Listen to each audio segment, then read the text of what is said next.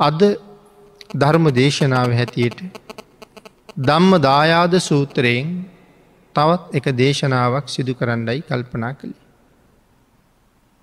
ධම්ම දායාද සූත්‍ර දේශනාව ශාස්තෘන් වහන්සගේ දායාදය පැහැදිලි කෙරෙන මේ දේශනාවෙන් දැනට ධර්ම දේශනා හතරක් විතර අපි සිද්ධ කරන්නට යෙදෙන.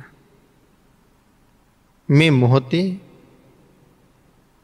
පස්වෙනි ධර්ම දේශනාව තමයි සිදු කරන්න සූදානන් වෙන්නේ ධම්මදායාද සූත්‍රය ඇසුරෙන් කෙරෙන. පිනතුන අපි මේ හතරවෙනි දේශනාවී. අවසානය සඳහන් කළා බුදුරජාණන් වහන්සේ අවබෝධ කරගත්ත ධර්මය දේශනා කරන්න තරන් වර්තමානය අපි කොහොමත් සුදුසුකං සම්පූර්ණ කරලා නෑ කියලා.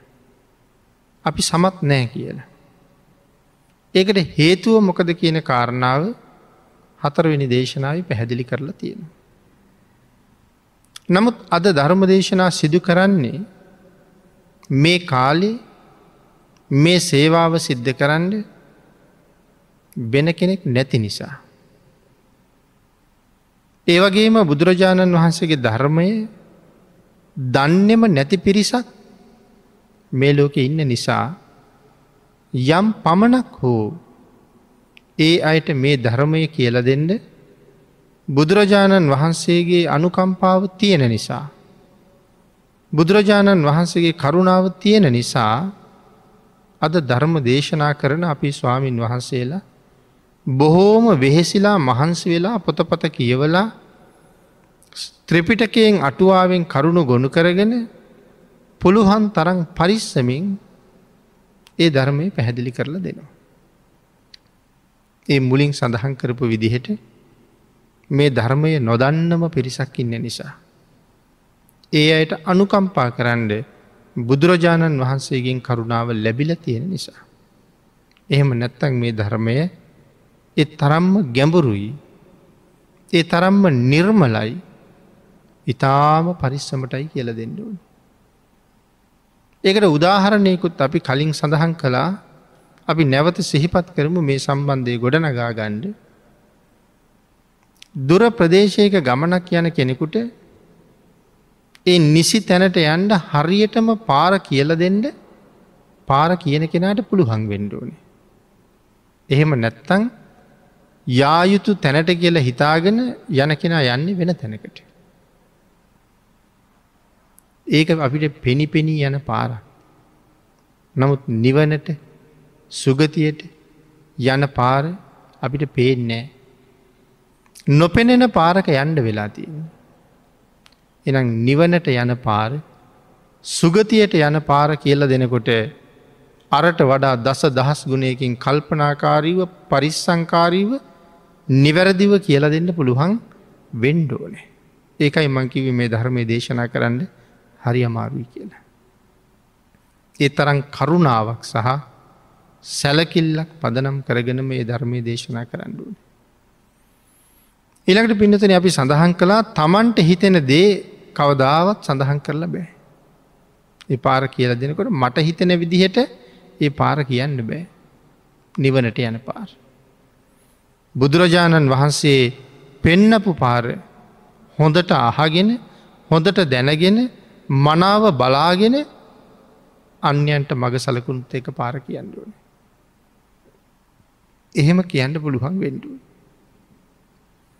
එහෙම කියල දෙනකොට පාර අහන අයි බණ අහන අයි මනාව සැලකිල්ලෙන් ඉතා උවමනාවෙන්ම ඔවුන් ඒ මඟ අහගෙන ඉන්ඩත් ඕනේ.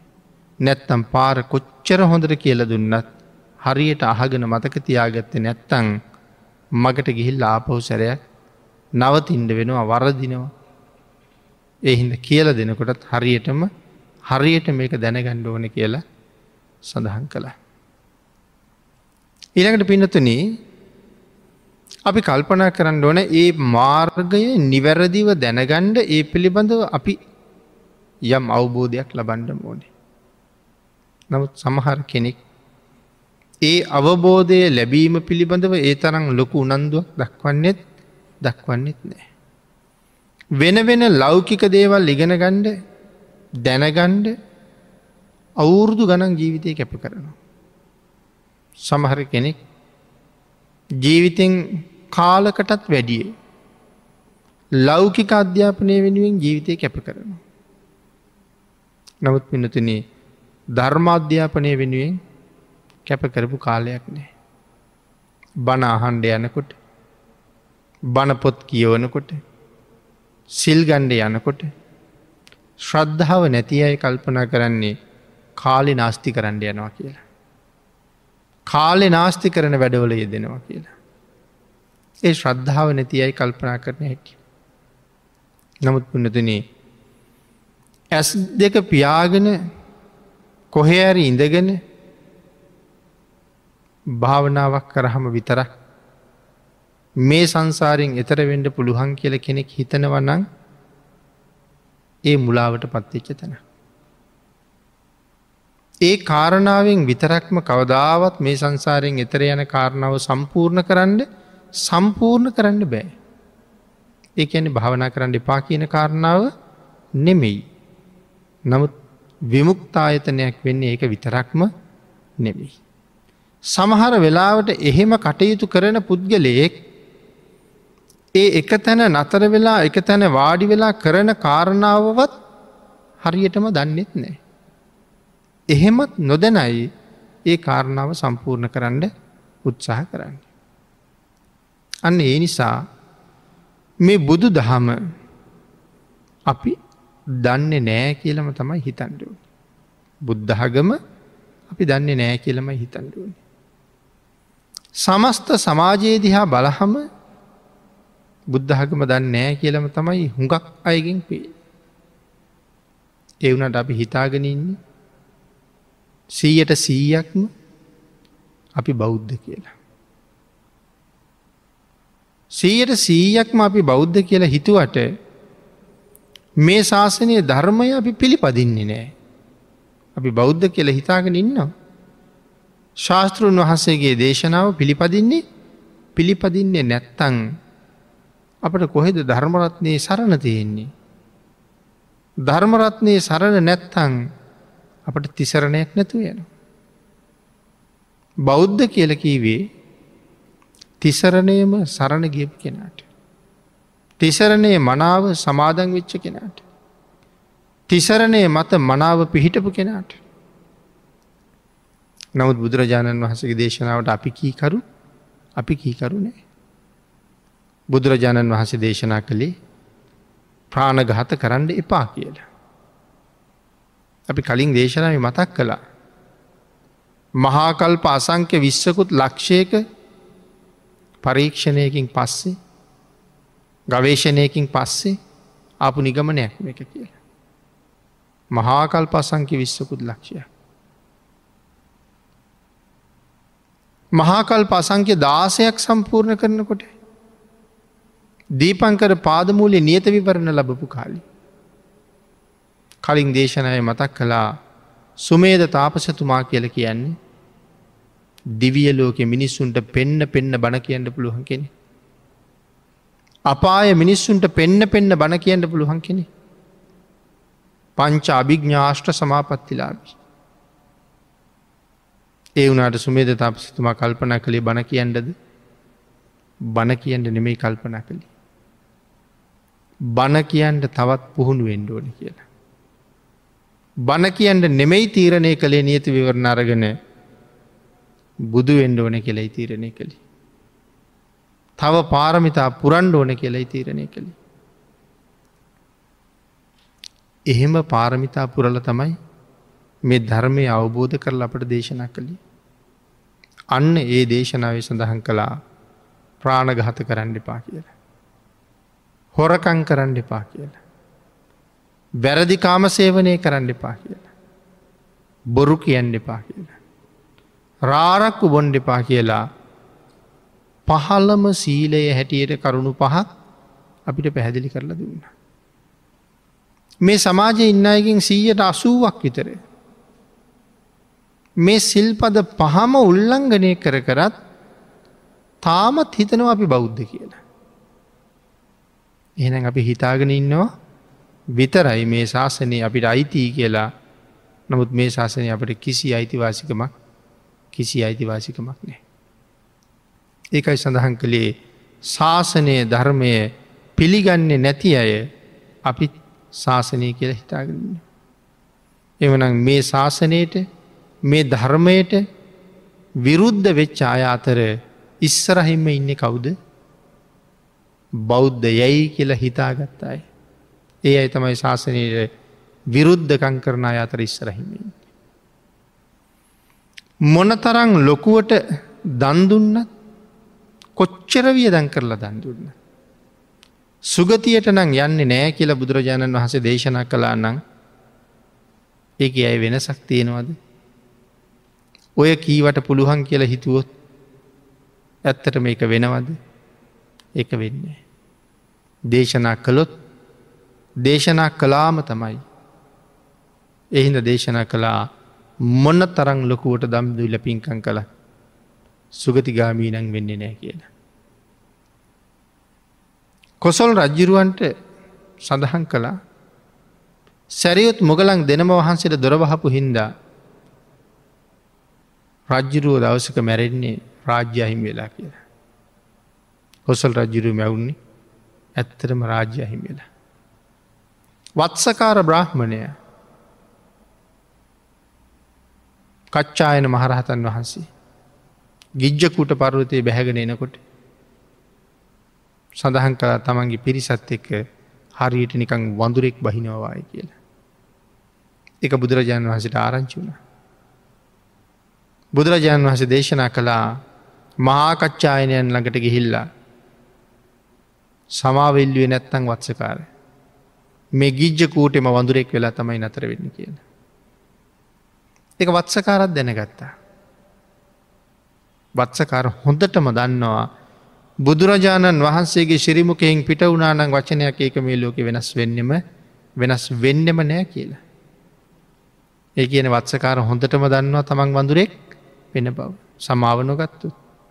නමුත් වත්සකාරගේ මානය ඊට වඩා වැඩි එනි සවත්සකාරමොකද කළේ. වත්සකාර තමන්ගේ මිනිස්සුන්ට කීවා වේලුවනේ අවට ගිජ්ජකුටෙන් මේ හැම්මත් තැනම පළතුරුවවන්න කියලා. හැම්මත් තැනම පළතුරුවව්වා.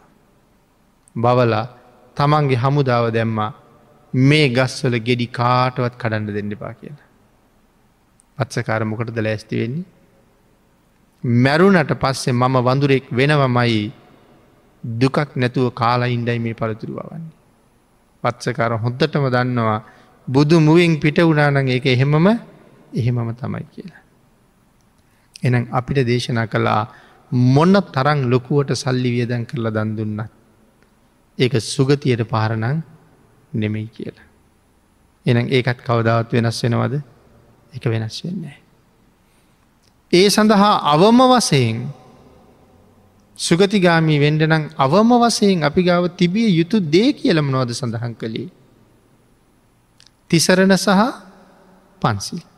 සුගතියට හෝ නැවත මැරිල මේ මනුලවටවත් එන්ඩ වුවමනා නං ලොකු කුඩා හැම කෙනෙක් ගාවම අවම වසයෙන් තිසරණයි පන්සිලුයි නං තිබිය යුතු මයි කියන කාරණාවත් අවධාරණය කළේ ශ්‍රීමක දහත්වීමයි. එනම් ඒකත් කවදාවත් වෙනස් වෙන්නේ වෙනස් වෙන්නේ නෑ. නමුත් පින්නතින කීයෙන් කී දෙනාද මේ ප්‍රකාශයට ගරු කරන්නේ. මෙහෙම නූනොත් දුගතිගාමී වෙනවා කියලකි හම කීයෙන් කී දෙනාද එකට බය වෙලා ඉන්නේ. මේ භාගිතුන් වහසගේ දේශනාවට ගරු නොකරත් අපි හිතාගෙන ඉන්නවා ඒත් අපි බෞද්ධ වෙන්දයි කියලා. ඒක බොහොම අවාසනාවන්ත තත්ත්වයක් විතරයි කියන කාරණාව සිහිපත් කරන්න. භික්‍ෂූන් වහන්සේලට දේශනා කළා භාග්‍යතුන් වහන්සේ නිසා ලැබෙන ධර්මයට මිස සිව් පසේට කවදාවත් දායාද වෙන්ඩ යන්ඩ එපා කියලා. භාගිතුන් වහන්සේ නිසා ලැබෙන ධර්මයට දායාද වෙන්ඩ ඔබ. හැබැයි භාගිතුන් වහස නිසා ලැබෙන සිව් පසේට දායාද වෙන්ඩ යන්ඩ එපා. ඒ සිව් පසේ හොයන්ඩ යන්ඩ එපා. තමන්ගේ ගුණය කියලා තමන්ගේ වත් පිළිවෙත් ගැන කියලා තමන් ගුණපුරණ හැටි කියලා බුදුරජාණන් වහන්ස ගැන වර්ණනා කරලා. ශාසනය ගැන වර්ණනා කරලා. සිව් පසේ හොයන්ට යන්න එපා. පුළුහන් තරන් ධර්මයට දායාද වෙන්ඩි කළ දේශනා කළ. පන්සිල්වල ඉඳලා ඉහලට තියෙන සිල් අටසිල් නවාංගුපෝ සතිය ගෘහස්ත දසසීලයේ සාමනේර දසසීලයේ උපසම්පදාසීලයේ මේවාගේ සිල් ගණනාවක් බුදුරජාණන් වහන්සේ ඉහලට ඉහලට දේශනා කළ. අනිස පන්සිල් වල ඉඳලා ඉහලට තියෙන හැම සීලයක්ම. එම සීලයේ ආනිසංසය දැනගෙන ඒ සීලයට දායාද වෙන්ඩ. කාටද මෙහෙම දේශනා කළේ හාමුදුරුවරුන්ට. ටිස්සරණ පටන් පන්සිල්ලොල ඉඳලා ඉහලට තියෙන සීලයේ කොයි වගේ ආනිසංසයක් තියෙනවාද මහනෙනි ඔබල අන්න ඒ ආනිසංසයට දායාද වෙන්ඩ. එහෙම සිල් රකිනකොට සිල්වතුන් ඉන්නව කියලා දැනගත්ත හම සැදැහැවතුන් සිල්වතුන් හොයාග නැවිල්ලා බොහෝ සිව්පසේ පූජ කරනවා. ඒ ඒ අයට පින්සිද්ධ කරගන්ට. වෙනත් කරුණාවක් තියෙන නිසා ඒ අයට අනුකම්පාවෙන් ඒ සිව්පසේ පිළිගන්න එක කරුණාවක්. එක අනුකම්පාව. මොකට දෙක පිළිගන්නේ ඔවුන්ට වැඩිපුර පින් හම්බවෙඩ ඕන් නිසා. ඒක පූජා කරලා ඔවුන් පින් රැස් කරගෙන ගියහම නමුත් මේ සිව්පසය දිහා බල බල ඒකට ලෝබ වෙලා තන්හාාව ඇති කරගෙන මේ සිව්පසේ රැස් කරන්න දායාද වෙන්ඩ එපා තමන් රකින සීලේ ආනිසංසයට දායාද වෙන්ඩ කියලා බුදුරජාණන් වහසේ විශේෂයෙන් සෙහිපත් කරලා තියෙන. ඊළඟට පැහැදිලි කරනවා ධර්මය ශ්‍රවණය කරලා ඒ මත තම ජීවිතය හික්මෝල එයින් ලැබෙන ආනිසංසයට දායාද වෙන්ඩ කියලා.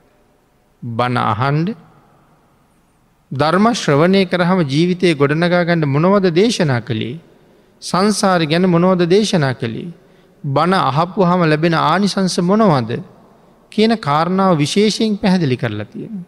එනම් බණ අහලා එහි සඳහන් කරපු ආනිසංසයට ඔබ දායාද වෙන්ඩ මේ සිව්පසයට දායාද වෙන්ඩ එපා කියලා. බුදුරජාණන් වහන්සේ මේ දේශනාව කරන්න කලින් හිතනවා යම් කුලපුත්තරයෙක් ශික්ෂා පදවලට කැමති නම් ඒ භාගිතන් වහස හිතන දේ යම් කුලපුත්‍රයෙක් ශික්ෂා පදවලට කැමති නම් මේ ධම්ම දායාද ප්‍රතිපදාව ශික්ෂාපද පැනවීමක් වගේ මයි. ධම්ම දායාද ප්‍රතිපදාව ශික්ෂාපද පැනවීමක් වගේ මයි.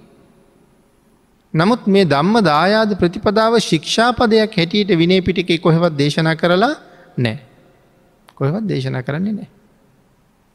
ඇයි එහෙම ශික්ෂාපදයක් හැටියට එක පනවන්ඩ බෑ මේ ශාසනය කුලපුත්‍රයන්ට ගුණපුරන්ඩ සිව්පසේ අවශ්‍ය අවශ්‍යමයි. එනිසා සිව්පසේ පිළිගණ්ඩ එපා කියල දේශනා කරන්නේ නමුත් ඒකට ඇලෙන්ඩ එපා කියල විතරයි භාගිතුන් වහස දේශනා කරන්නේ. නමුත් ශ්‍රද්ධාවන්තයාට ඒක ශික්ෂාපදයක් වගේ මයි කියල සඳහන් කළා. ඊළඟට පිනතුනේ මේ නගර දවාරයක ඇති විශාල කන්නාඩියක් වගේ ඒක. නගර දවාරයක තියෙන විශාල කන්නාඩියක් වගේ. අතීතයේ නගර කොච්චර ලස්සනට තියෙන්ට ඇත්. හැම නගරයකටම පිවිසෙන තැන ලොකු කන්නාඩි හයි කරලා තිබිල තියෙන. අදත් අපි දකිනවා. ලොකු වංගු සහිත පාරවල් වල වංගුව පේන්ට කන්නාඩි හයි කරලා තියෙනවා. එදා මහන් නගරවලට ඇතුල් වෙන දොරටුවලඟ කන්නාඩි හයි කරලා තිබිල තියෙන. තමන්ගේ ශරීරයෙන් භාගයක් පේන කන්නාඩි නෙමෙයි පාද දෙකේ ඉඳල කේසාන්තය දැක්වා පේන ලොකු කන්නාඩි.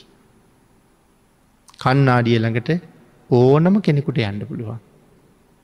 බ්‍රාහ්මණයටත් පුළුවන් ශස්ත්‍රයටත් පුළුවන් වෛශ්‍යයටත් පුළුවන් ශුද්‍රයටත් පුළුවන්. ඒකෙන් බලල මොකද අපි කරන්නේ. අපේ අඩුපාඩු ටික අඩුපාඩු හදාගන්න. රජ්ජුරුවත් යනව කන්නාඩිය ඉස්සරහට. ගිහිල්ල රාජ ආභරණ පැළඳලා තියෙන හැටි බලල අඩුපාඩු හදාගන්න. රාජ ඇඳුම් අන්දවල තියෙන හැටි බලල අඩු පාඩු හදාගන්න. රජ්ජුරුවන්ගේ කෙස් රජ්ජුරුවන්ගේ රැවුල කපල තියෙන හැටි අඩුද වැඩිද කියල බලලා ඒ අඩු පාඩුවක් තියෙනන ඒ දේවල් සකස් කරගන්න. දෙනම් එදා රජ්ජුරුව විතරක් නෙමෙයි මේ හැමෝමත් කන්නාඩිය ඉස්සරහට ගිහිල්ල මොනොද කරන්නේ. අපේ තියෙන අඩුපාඩු නිවැරදි කරල සකසගන්නවා කන්නාඩියෙන් බලල. එන මෙතන සඳහන් කළා මේ ලස්සන දියුණු නගරවල එහෙම කන්නාඩි තිබුණ. පිනතනේ ඕනෑම කෙනෙකුට තමන්ගේ අඩු පාඩුවයකින් බලන්න පුළුවන්. ප්‍රත්‍යවේක්ෂා කරන්න පුළුවන් කියලා ඒක සඳහන් කළේ. තමන් ගැන ප්‍රත්‍යවේක්ෂා කරන්න පුළුවන්. ඇැබයි කන්නාඩියෙන් බලල ප්‍රත්‍යවේක්ෂා වෙන්නේ නෑ. කන්නාඩියෙන් බලල බාහිර පෙනුම අඩු පාඩු ටික හදාගන්න නමුත් කන්නාඩිය දිහා බලාගන්න ප්‍රත්‍යවේක්ෂා කරන්න පුළුවන් ඔබ කවුද ප්‍රශ්නයක් අහන්න පුළුව. මං ළඟ චරිත දෙකක් තියෙනවද. මොනද චරිත දෙක මිනිස්සු ගාව චරිත හුඟ තියෙනවා. සමාජයට පෙන්න්නන එක චරිතය. ගෙදරට පෙන්න්නන එක පරිචාරිතයක්. විවාහවෙන්ඩ ඉන්න කාලෙ පෙන්නුවේ තව චරිතය. විවාහ වුනාට පස්සෙ තියෙන්නේ තව චරිතයක්. එතකොට හැම මිනිහෙක්ම නළුවෙක්. හැම කාන්තාවක්ම නිලිය රඟ පෑම් ගොඩක් තියෙන. ආගමික භූමිය රඟපානව එක විදිහකට රැකියාව කරන තැන රඟපානව තව විදිහකට ගෙදර රඟපානව තව විදිහකට යාළුව මිත්‍රයෝගාව රඟපානව තව විදිහකට නමුත් මේ කිසි තැනක ප්‍රකෘති මිනිහනෑ. නමුත් හැම්ම තැනම ඉන්ඩෝනේ ප්‍රකෘති පුද්ගලය. අන්න ඒ පුද්ගල තම පිළිගන්න පුළුවන්. ඔහු ගෙදරත් එක වගේ ඔහු පාරෙත් එක වගේ ඔහු නගරෙත් එක වගේ ඔහු රැකියාව කරන තැනත් එක වගේ ඔහු ආගමික භූමියත් එක වගේ ඔහු හැම්ම තැනම එකම චරිතයයි නිරූපණය කරන්න. නමුත් සමස්ත සමාජයේ දිහ බලහම මහචරිත මහචරිත ගොඩ.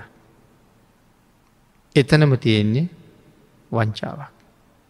එක්කෙනෙක් වුණානං හරි වටිනව අර කන්නාඩීම් බලලා ප්‍රත්‍යවේක්ෂා කරන්න ඕන තමන් තනියම ඔබ කවුද කියලා. හරියට මහල බලහම ඔබ කවුද කියලා තමන්ගේ හිතම ආපහු කියල දෙනවා ඔඹ මෙන්න මේ විදිහ පුද්ගලයෙක් කියලා.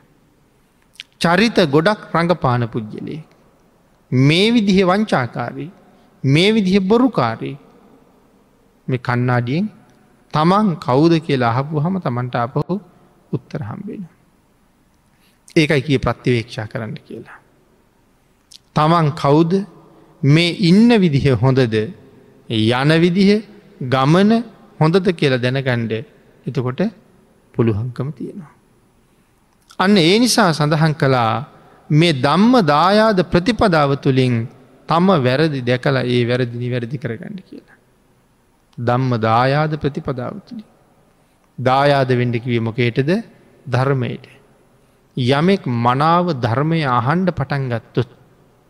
හරියට ධර්ම දේශනා දෙක තුනක් අහනකොට තමන්ගේ ජීවිතයේ වැරදි අඩුපාඩු ගොඩක් තමන්ට පෙන්වෙනවා. බේ හරියට ශ්‍රද්ධාවෙන් අහපු කෙනා එක අහන්න බණක් බණක් ගානේ තමන් ළඟ තියෙන වැරදි දෙකක් තුනක් හරි හදාගන්න. බණ දහයක් විතර ඇහුවොත් තමන් ගවතින අඩුපාඩු තිහක් හතලිහක් විතර හදාගෙන. තව ටිකක් බණහනකොට ජීවිතය අඩුපාඩු හුඟක් හුඟක් මගහරවගෙන වැඳිය යුතු පිදිය යුතු පුද්ගලයෙක් බවට පත්වෙන තැනට එනකං ඔහු දියුණු වෙච්ච කෙනෙක් බවට පත්වෙනවා. ඒකයි සඳහන් කළේ මේ දම්ම දායාද ප්‍රතිපදාව තුළින් තමන්ගේ වැරදි හරියටම දැකලා ඒ වැරදි නිවැරදි කරගණ්ඩ කියලා. පින්නතින අන්න ඒ වගේම මේ ශික්ෂාකාමී කුලපුත්‍රයෝ මේ කුලපුත්‍ර කියන වචන දැන් අපි නිතර නිතර පාවිච්චි කලා තුන්ගෙන දේශනාව කුලපුත්‍ර කියන්නේ කවුද කියන එක හරියටම විස්තර කරලා තියෙනවා. ශික්ෂාකාමී කුලපුත්‍රයෝ තමන්ගේ උත්සාහයේ ඇති හැටි මනාව දැකල. පූරණය කරගන්නවා ඒකට කියනවා මණ්ඩන කියලා.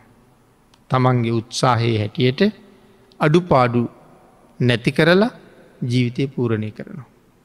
එකට මොකක්ද කියන්නේ මණ්ඩ. අටසිල් ගණ්ඩ ගියපු දවසටත් ඔය වචනය අපිට හොඳට හුරුයි. ශික්ෂාපද අටක් ගැන කියනකොට නච්ච ගීත වාදිත බිසූක දස්සන මාලා ගන්ධ විලේපන ධාරණ මණ්ඩන කියන තැන අපිට මණ්ඩන මතකයි. මොකදද මේ මණ්ඩන කියල කියන්නේ. අඩු තැංපුරෝනෝ. එන ශික්ෂාපදී කියනමකද අඩු තැන් පුරවන්ඩ එපා.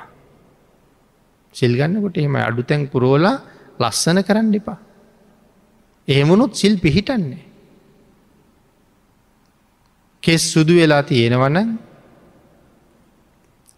ඉටවස අපි කෙස්්ටික පාට කරගෙන නම් සිල්පදේ හරියට පිහිටනවද කියන ප්‍රශ්නයක් කියෙනවා. ඇයි ධාරණ මණ්ඩන අඩු තැන් පුරුවන්නේ නමුත් දැන් කරලා තියෙන්නේ පුරවලා වහල තියනෙ ප්‍රකෘති පුද්ගල එහෙම නෙමේ. එහෙම කරගෙන ගිහිල්ල එහෙම කරන්න නෑ කියල කියන එක ඒ තරං සාධහරණ සාධරන්නේ. නමුත් මෙතන කියනවා මේ ශික්ෂාකාමී කුලපුත්‍රයෝ තමන්ගේ උත්සාහයේ හැටි දැකලා පූරණය කරගන්න එක තමයි මණ්ඩන කියල කියන්න. උත්සාහය දැකල තමන්ගේ අඩු පාඩුව දිහා බලල එක පූරණය කරගන්න. ධාරණ මණ්ඩන. එ එතනක සිල් ගන්නකොට අපි සඳහන් කළේ විශේෂයෙන් අඩු තැන් පුරවන්ඩත් එපා තියෙන දේවල් අඩු කරන්නත් එපා. ප්‍රකෘති පුද්ගල ඉන්ඩුවන. එනම් මෙතන කිව්වා තමගේ අඩු පාඩුව පූරණය කරන මොකක් දිහබල්ලද පූරණය කරන්නේ? කන්නාඩිය දිහා බලලා. තමන් ගැන ප්‍රත්‍යවේක්ෂා කරලා. එතකොට තමන්ගේ අඩු පාඩු පේනවා. මංගාව පන්සිල් නෑ. මංගාව තිසරණ නෑ. මංගාව ගුණ ධර්ම නෑ. මංගාව දයාව කරුණාව මෛත්‍රිය නෑ. මංගාව ශ්‍රද්ධාව නෑ. මේ වගේ ප්‍රශ්න ගොඩාක් පේනවා අඩු තැන් එහෙමනං ආන්ගේ අඩු තැන් දැකලා ඒ අඩු තැන්දි වැරදි කරගන්නඩු.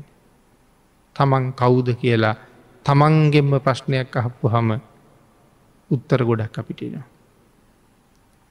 අර සමහර වචනයක තේරුම හොයනකොට අපි ඔය ශබ්ද කෝෂවලට ගිහිල්ල එක වචනයට තේරුම් ගොඩාක් කෙනවා.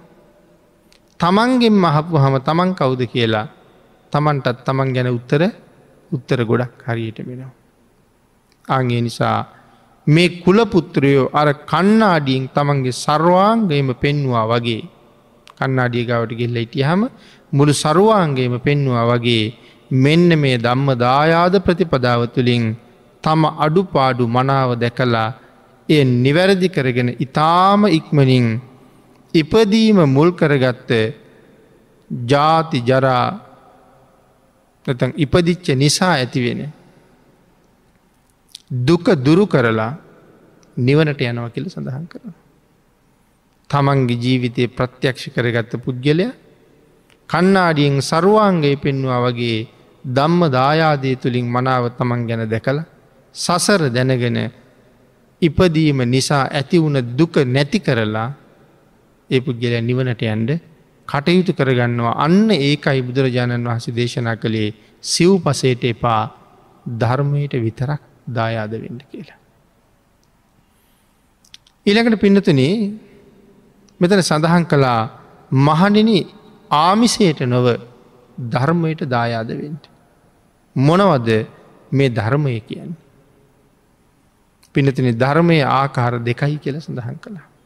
මහනෙන ධර්මයට දායාද වෙන්ඩ ඒ ධර්මය ආකාර ආකාර දෙකයි.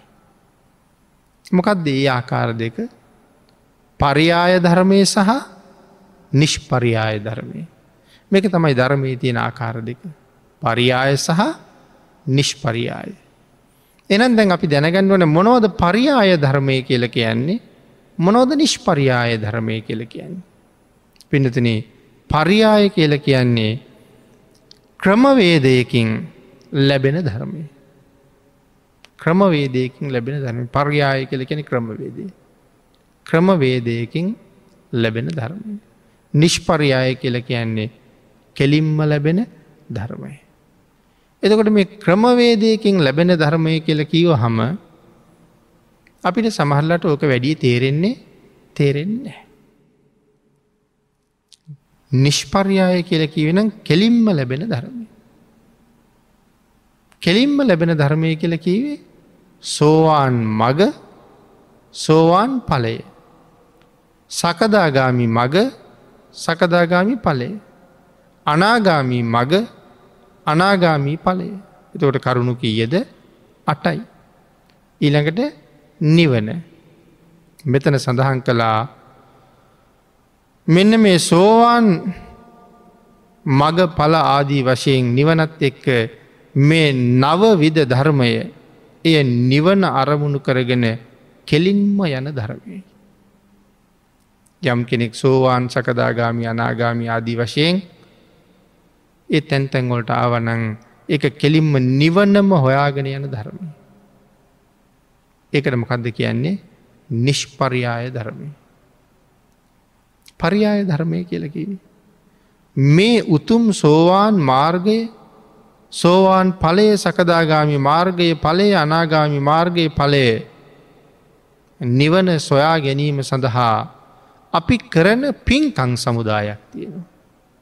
දන් දෙනවා මල් පහන් පූජ කරනවා සිල් සමාදන් වෙනවා බනාහනවා දුප්පත් අයට උදව් උපකාර කරනවා වෙහෙර විහාර හදනවා ආරාම චෛත්‍ය හදනවා මෙ නොයෙක් දේවල් කර කර අපි ප්‍රාර්ථනා කරන්නේ මොකක්ද මේ රැස් කරගත්ත කුසලය තුළින් මට නිවනට මග සැලසේවා. මට නිවන් දකිින්ට ලැබේවා. එහෙනම් නිවන් දැකීම සඳහා මම යොදාගත්ත ක්‍රමවේදය මොකක්ද මෙන්න මේ පින්කං කරන එක. නිවන හොයන්ට යොදාගත්ත ක්‍රමවේදය මේ පින්කං කරන එක. අන්න ඒකට කිව්වා පරියාය ධර්මය කියලා. එතකොට ඒ පින්කං එකක්වත් කරගත්ත නැතුව යම් කෙනෙක් සෝවාන් වුණා සකදාගාමින අනාගාමි වුණා. ඒ මෙදා නොකළත් පෙර ජීවිතවල කරලා හොඳට පින් රැස් කරලා තියෙන නිසා කෙලින්ම නිවනටම පාරඇවිල්ල තියෙනවා මට නිවනටම පාරණෑ. ඉතින් දුහේතුක ත්‍රහේතුක කියන කාරණත් එතන කතා කරන්න එතකොට පුළුවන්කම තියෙන. දුහේතුක ත්‍රහේතුක අධිකාරණ. දුහේතුකයි කියල කියන්නේ. මේ ජීවිතෙන් දුහේතුක නම් මාර්ගඵලයක් ලැබෙන්නේ ලැබෙන්නේ නෑ. ඇබැයි ධර්ම අවබෝධය කරන්න පුළුවන්. මේ ජීවිතයේ ත්‍රහේතුකන අවශ්‍යනං උත්සාහ කරලා මගඵල හොයාගණ්ඩ පුළුහන් උත්සාහ කෙරුවොත් මගඵල ලැබෙනවා. හැබැයි දුහේතුක කෙනෙක් කොච්චර උත්සාහ කළත් මගඵල හම්බ වෙන්නේ හම්බ වෙන්නේ නෑ. එහෙමනං අපි අර පින්කං කර කර ප්‍රාර්ථනා කරනවා ඒ උතුම් නිවන ළඟට යන්ඩ මට අවස්ථාව ලැබෙන්ඩ කියලා. එහෙමනං මග පල ලබන්ඩ මේ කුසල් හේතුවේවා කියල කරන ප්‍රාර්ථනාව පරියාය ධර්මයයි. කෙලින්ම මගඵල ලබලා නිවන හොයාගෙන යනකට කියනවා නිෂ්පරියාය ධර්මය කියලා. ආමිසේටත් තියෙන පිනතින පරියායාමිසේ සහ නිෂ්පරියායාමිසේ කියලා. එතකොට මොනවද මේ ආමිස කියල කියන්නේ. චීවර පින්ඩපාත සේනාසන ගිලනක් ප්‍රත්තිය. යම් කෙනෙකුට ඒ දේවල් තියෙනවා අය ප්‍රාර්ථනා කරන්න ඕනෙද ඇත්ති තරන් තියෙනවා. සමහර කෙනෙක් ඉන්නවා ඒ දේවල් හුඟක් හිගයි සිවුරු නෑ බෙහෙත් නෑ හොඳ සෙනසුන් නෑ අපි පින්කං කර කර ප්‍රාර්ථනා කරනවා මෙතැන් පටන් නිවන් දක්නා ජාති දක්වා. මේ දානය දුන්න ආනිසංසේ නිසා. මට කවර කවමදාකවත් සාගින්නක් නොදනේවා. මේ පානවර්ග දුන්න පින නිසා පිපාසාවක් නොලැබේවා. මේ වස්ත්‍ර පූජා කරපු නිසා මට වස්ත්‍රවල හිගයක් නොවේවා. මේ බෙහෙත් පූජා කළ නිසා මට රෝග පීඩා ඇති නොවේවා කියලවි ප්‍රාර්ථනා කරනවා. එතකොට සූපසේ ප්‍රාර්ථනා කරලා තියන්නේ. මේ දන්දුන්න නිසා සාපි පාසාවක් නොලැබේවා කිව ආහාරපාන හොඳට ලැබේවා. වස්ත්‍ර පිළි හොඳට ලැබේවා. බේත් හේත් හොඳට ලැබේවා සේනාසන හොඳට ලැබේවා. එහෙමනම් සිව් පසයේ ප්‍රාර්ථනා කරනවා. එහෙම ප්‍රාර්ථනා කර කර ඒ පින්කං කරනවා. එහෙම දුගතීන්ට පත් නොවීම නිවනට යන්ට. ආංගේ සූපසේ ප්‍රාර්ථනා කර කර කරන එවන් කාරණාවලට සඳහන් කළා පරියාය සිව්පසේ කියලා. නමුත් නිෂ්පරියාය සිව්පසේ බවට පත්වෙන්නේ කෙලින්ම චීවර පිණ්ඩ පාත සේනාසන ගිලාන ප්‍රත්ති තියෙනවා. එනම් මේ පරියාය නිෂ්පරියාය ධර්මය සම්බන්ධිනුත් එහෙමයි සිව්පසේ වෙනනුත් එහෙමයි. එමනම් ආකාර දෙකයි. මේ ආකාර දෙක මෙන්න මේ විදිහයි භාගිතුන් වහ සඳහන් කරනවා මෙන්න මේ නිෂ්පරියාය කියල කියන කොටස යම් කෙනෙක් සසරින් එතරවීම අරමුණු කරගෙන කරන කුසල් හා සසර දික්කර ගණ්ඩ කරන කුසල් ආදී වශයෙන් කුසල් ක්‍රම දෙකයි. සසරින් එතරවීමට කරන කුසල් මොනද සසරින් එතර වෙන කරන කුසල්. සෝවාන් සකදාගාමි අනාගාම අරිහත් කියන උතු මාර්ගඵලයන් හොයාගෙන හොයාගෙන යනවා. සසර දික්කරන්ඩ කරන කුසල් දන්දීල සිල්ර කළ දිවිලෝ කියන. අවුරුදු කෝටි ගානක් ආවිශය. එක්කෝ එහෙදී කුසල් කරගෙන නැත්තං පිරිහිලා අපහුනි රේට යනවා ඒම නැත්තං දෙව්ල විංචිත වෙලා ආය මනුලවට එනවා කුසල් කරගෙන දෙව්ලවට යන්ට. නමුත් කුසල් කරගෙන ආපහු දෙව්ලවට යන්ඩ මෙලොවට අප හුඟක් මිනිස්සුන්ට ආවෙ මොකටද කියන කාරණාව අමතක වෙලා තියෙන බව සමාජයෙන් හොඳට පේ. ආයෙත් දෙව්ලෝගි හම ආයෙත් දීර්ඝාවිශ. නමුත් ඒ දීර්ඝාවිශ ලබන්ඩ පුළු හඳ පව් කරලා එහෙමනං සසර දික්කරන කුසල් කුසල් කරලත් සසර දික්වෙන. කුසල් තුළින් සසර කෙටි කරන මගකට එන්ඩත් එන්ඩත් පුළුවන්. ආං ඒ අදි වශයෙන් කුසල් ක්‍රම දෙකයි කියල දේශනා කළ. නමුත් මේ ක්‍රම දෙකම බුදුරජාණන් වහන්සේගේ සිත තුළයි උපදින්නේ. සසර දික්කරන කුසල් මොනවද සසර කෙටි කරන කුසල් මොනවද දෙකම අපට කියල දුන්නේ කවුද බුදුරජාණන් වහන්සේ. ආංගේ නිසා මේකට බුද්ධ ධර්මය කියල කියන. භාගිතුන් වහසගේ සිත තුළ ඉපදිච්ච කාරණාව නිසා එකට කියෙන බුද්ධ ධර්මය කියලා. ආංගේ බුද්ධ ධර්මය යමෙක් මනාව දැනගත්තන. ඔහු නිවනත් ශාක්ෂාත් කරනවා. ඔහු සුගතියත් අත්පත් කරගන්න. ධර්ම දේශනාවට තියෙන කාලේ නිමා වෙලා නිසා. දම්ම දායාද කියන සූත්‍ර දේශනාව තුළින් සාකච්ඡා කරන පස්වැනි ධර්ම දේශනාව අපි මේ විදිහට නිමා කරමු. ඉතුරු කාරණාටික හයවෙනි දේශනාවෙන් සාකච්ඡා කරන්න අවස්ථාව ඉතුරු කරලා.